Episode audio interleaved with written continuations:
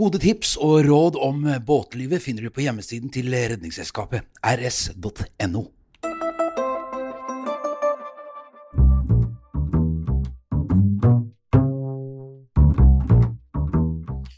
Jan har kjøpt seg båt.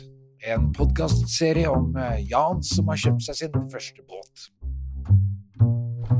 Jan og jeg vi bestemte oss for å fortsette praten med Christian Ytterhorn, som er da havnesjef på Kongen, fordi han kom til å nevne noe som vi syns er litt spennende, en ny type miljøbensin som ja, visstnok skal være farlig for motorene. Den heter 95 E10, heter den. Det kommer til å ta 10% etanol i bensinen. Ja, Og dette her skal ødelegge motoren, sier mange. Ja, det, saken er at det er ikke en bensin som egner seg for lagring over lengre tid. Um, og med norsk sommer så blir det veldig ofte sånn at båten blir stående i perioder uten bruk, og da har den kvaliteter som ikke er like god som det den gamle 98-bensinen var. Mm. Um, resultatet av dette er at uh, Norboat og flere av de andre store organisasjonene og forbundene har gått ut og anbefalt at uh, kundene skal tanke 98 istedenfor 95. Selv om det da kommer tilsetningsstoffer til 95 som man kan bruke, som skal ta bort uh, de negative kvalitetene. Um, men uansett så er resultatet at de aller fleste marinaene nå går tilbake igjen til å ha 98-bensin på anleggene sine. Um, så miljøgevinsten i dette her er egentlig forduftet. Men, men det skal også være sagt at med 95-bensinen, når man da måtte kjøre tilsetningsstoffer i 95-bensinen, så ble det i tillegg produsert en mengde plastflasker som plutselig skulle kastes, som ble fylt på tanken. Eh, tilsetningsstoffer, eh, kondensfjernere så okay. Hvor mye mer miljøvennlig det er når du må bruke to ekstra plastflasker for å fylle tanken din. Eh, men en annen type bensin er jeg litt usikker på. Det er, det, dette her er jo det, er, det er jo det samme med den nye plastposen som skal koste fem kroner. Hvor, du, hvor alt det du putter i den plastposen er pakket i plast. Ja, Så, det er så, så det er jo Det er jo eh, Ja. Det er, det er ja.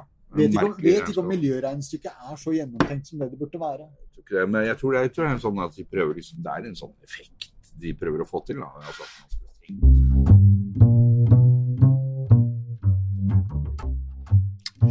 Men så er det dette med elektrifisering av eh, småbåtene. Det er begynt på de store, men hva med de små? En som vet ganske mye om dette, er eh, eh, leder i Bellona, Fredrik Hauge. Så jeg dro for å besøke han i båten hans i Arendal.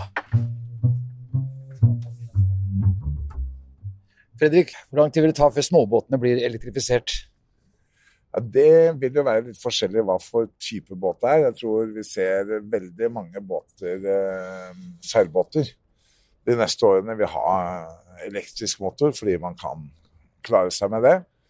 Og så vil du se en del forskjellige hybridløsninger. Men at dette kommer nå etter hvert som man finner bedre løsninger, ikke bare på batteriet, men på hele drivlinjen. Men hva er problemet, da? Er det at eh, vann er så mye tyngre motstand enn luft, og at man kan kjøre en tidel av distansen? Ligger teknologien i batteriene, eller er det bare effektivisering av, av, av kraftoverføring? Ja, Foreløpig er det jo både pris, eh, det er energitettheten i batteriene, og det henger jo sammen igjen med hvordan man kan få ned vekten med nye måter å tenke hele båten på. Eh, Blant annet så har du mye mer momentum i en elektromotor, så du kan lage mye mer lengre propeller og få en mye mer energieffektiv drivlinje. Hvor lang tid vil det ta før det kommer de første småbåtene blir elektrifisert? Tror du? Teknologien er jo der. Ja da, og dette er et spørsmål om å få prisen ned på batteriene og få opp også infrastruktur for lading. Men du ser jo selskaper som norske Evoy som har kommet langt med å bygge ribber og, og andre lettbåter som nå tas i bruk vel bl.a. av Hurtigruta. Og så syns jeg det er ekstremt spennende hva det svenske selskapet Candela gjør. Prisen er jo selvsagt altfor høy, men de tar båten opp på foil og får et ekstremt energieffektiv framdrift på batterier. Eh, Så det er de eh, minsteklassen med båtene. Og så har du også? Du har jo en omfattende elektrifisering av ferger og den type ting langsmed kysten. Og du har et selskap som Brim, da, som, som nå har bygd fire katamaraner, og som har ganske lang rekkevidde bare på batterier, men for veldig god effektivitet og eh, lave utslipp også med hybridlinjer. Du snakker om at Bellona-båten som vi sitter i Kalinika Når skal den bli elektrifisert? Eller blir den det? Ja, det er håpet at vi skal få til det. Vi vet hvordan vi skal gjøre det, men som alltid så er det snakk om penger. Hvor mye koster det, da? Nei, Det spørs på hva for løsning du ønsker, men, men uh, batteriprisene er jo på vei ned. Det som også er utfordringen, er at vi må ha ordentlige batterier til maritim sektor i forhold til, til brann. og det uh, for så kan man bruke et nikkelbatteri, sånn som står i elektriske biler i dag, men det er en ganske høy høy brannrisiko i forhold til da, jernfosfat. Men, så da får du lavere eller høyere energitetthet på batteriene, men du får så mye ekstra vekt på brannsikkerheten. Ah, ja. Så hvis vi nå kan lage mye mer brannsikre batterier, så tar man ned, selv om kanskje ikke selve batteriet er like effektivt som la oss kalle det Tesla-batteri eller et Volkswagen-batteri, så vil vekten likevel bli lavere hvis man nå klarer å utvikle nye batterikjemier, og det er noe av det vi jobber veldig mye med.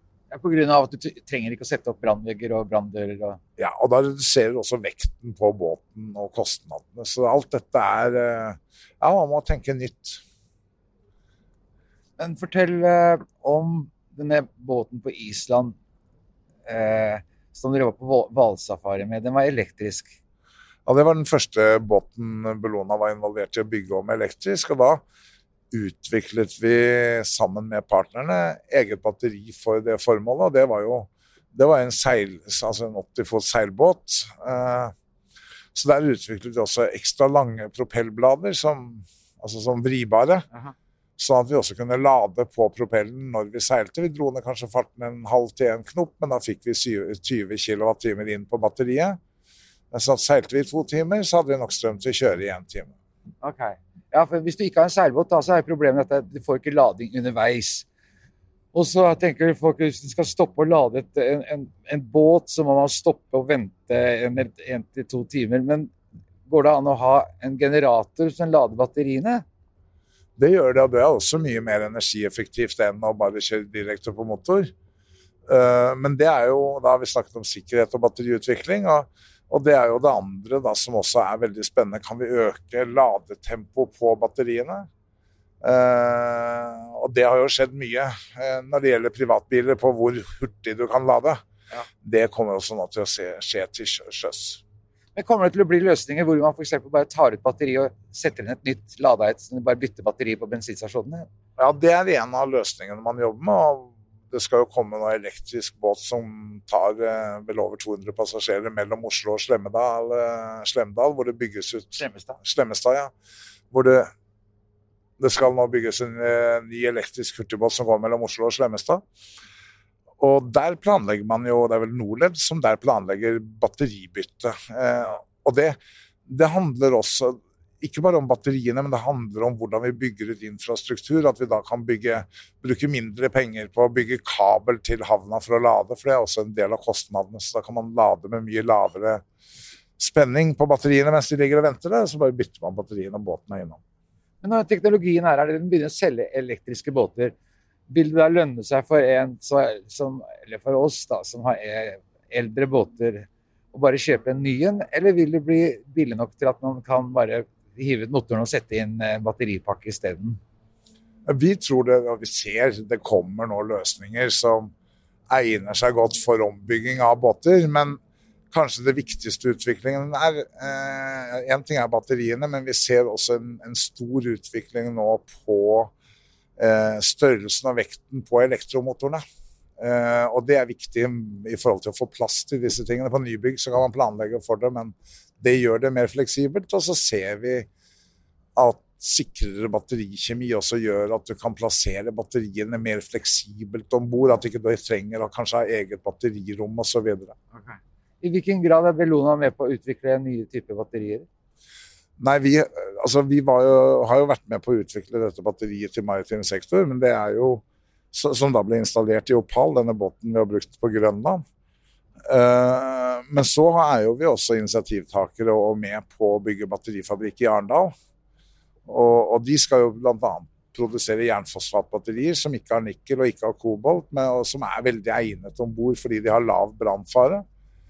Og så er det jo neste generasjons batterier de jobber med, som vi er veldig engasjert i, som er manganoksidbatterier som både vil kunne lades veldig hurtig, og som har veldig lang levetid. Og veldig lav brannfare. Så det er en av de store drømmene for det vi kunne redusere ja, pris og, og behov for råmaterialer og mengden avfall betydelig. Men det er primært båttrafikken som dere ser på, ikke biltrafikken? Nei, Vi jobber også i forhold til uh, biler og, og, lastebiler, og ikke minst så kommer batterier til å bli veldig, veldig omfattende når det gjelder lagring av solenergi, og også vind. Og vi ser jo et marked for brukte batterier, f.eks. fra maritim sektor. Uh, etter de er ferdige, etter 10-15 år i båten, så kan de stå i mange mange år og benyttes gjenbrukt da, i den type installasjoner. og Det vil også være med på å få ned kostnadene på å ta batterier med i båt. Ja, for akkurat der, Det er jo ganske mange sofaforskere på Facebook som legger ut eh, artikler om at eh, et Tesla-batteri eh, er verre enn forurenser mer etter at det har blitt brukt, enn det sparte det for utslipp mens det var i bruk. Jo, men det er vel derfor ikke Facebook er veldig mye brukt av forskning.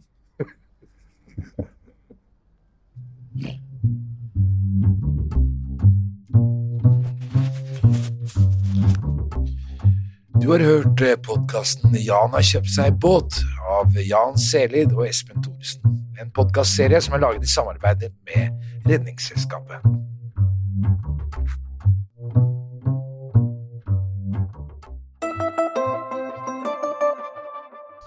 Gode tips og råd om båtlivet finner du på hjemmesiden til Redningsselskapet, rs.no.